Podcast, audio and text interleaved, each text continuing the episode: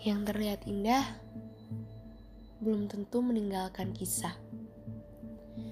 Yang terlihat baik-baik saja bisa jadi dia sedang terluka. Yang terlihat kuat dalam dirinya pastilah ada rasa lelah. Yang terlihat mengikhlaskan tidak secepat dan seindah itu prosesnya.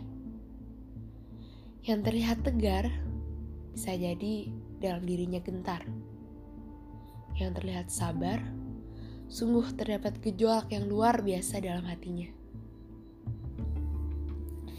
Kadang, sebagai manusia, kita melihat sesuatu hanya bagian idealnya saja, tanpa melihat realita yang ada. Bahwa manusia punya kekurangan dan kelebihan yang tentu berbeda-beda tiap orangnya.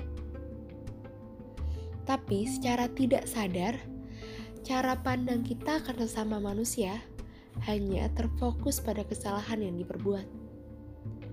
Seakan kita dituntut untuk sempurna di hadapan orang lain.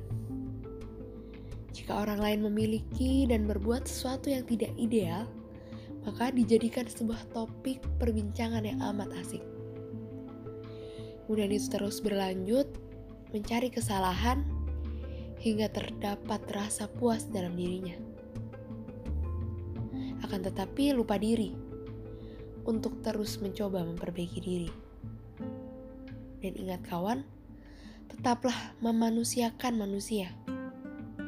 Toh, kita bukan yang paling sempurna. Cemoohanmu terhadap seseorang tidak lebih baik dari kesalahan yang diperbuatmu.